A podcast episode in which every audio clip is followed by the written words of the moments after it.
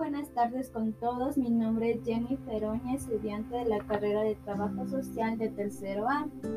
El tema de hoy es la violencia intrafamiliar, lo cual les vamos a dar a conocer que es un acto de poder u omisión recurrente dirigido a dominar, someter, agredir física, psicoemocional o socialmente a cualquier miembro, miembro de la familia.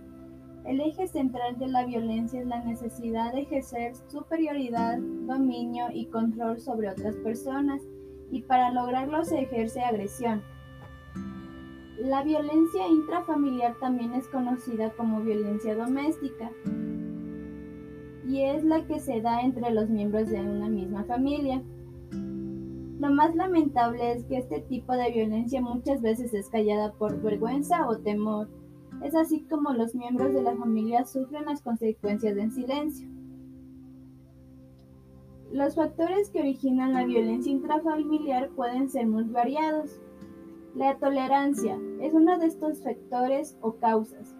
Cuando las personas no son educadas para tolerar, para aceptar, terminan volcándose violentamente contra otras personas. De igual forma, la falta de control de los impulsos es otra de las causas. Cuando no se ha tenido un buen desarrollo de vínculos afectivos, las personas no son capaces de establecer, por lo tanto, adoptan conductas agresivas. Otra de las causas es la incapacidad de, resolver problemas. Hay causas como el alcohol, el consumo de drogas. Por otra parte, la violencia intrafamiliar es un problema que genera graves consecuencias. Las víctimas de cualquier de los tipos de violencia intrafamiliar sufren daños físicos, emocionales y psíquicos.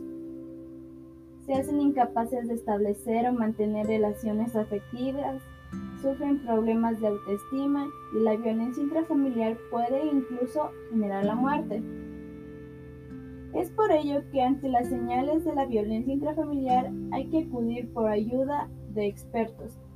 Es así necesario que los agresores pueden aprender a gestionar sus emociones, controlar sus impulsos y superar la, superar la intolerancia a tiempo. Las víctimas también necesitan ayuda para superar las consecuencias y desarrollar una vida plena mediante la superación de los, de los estragos originados por la violencia intrafamiliar. Gracias.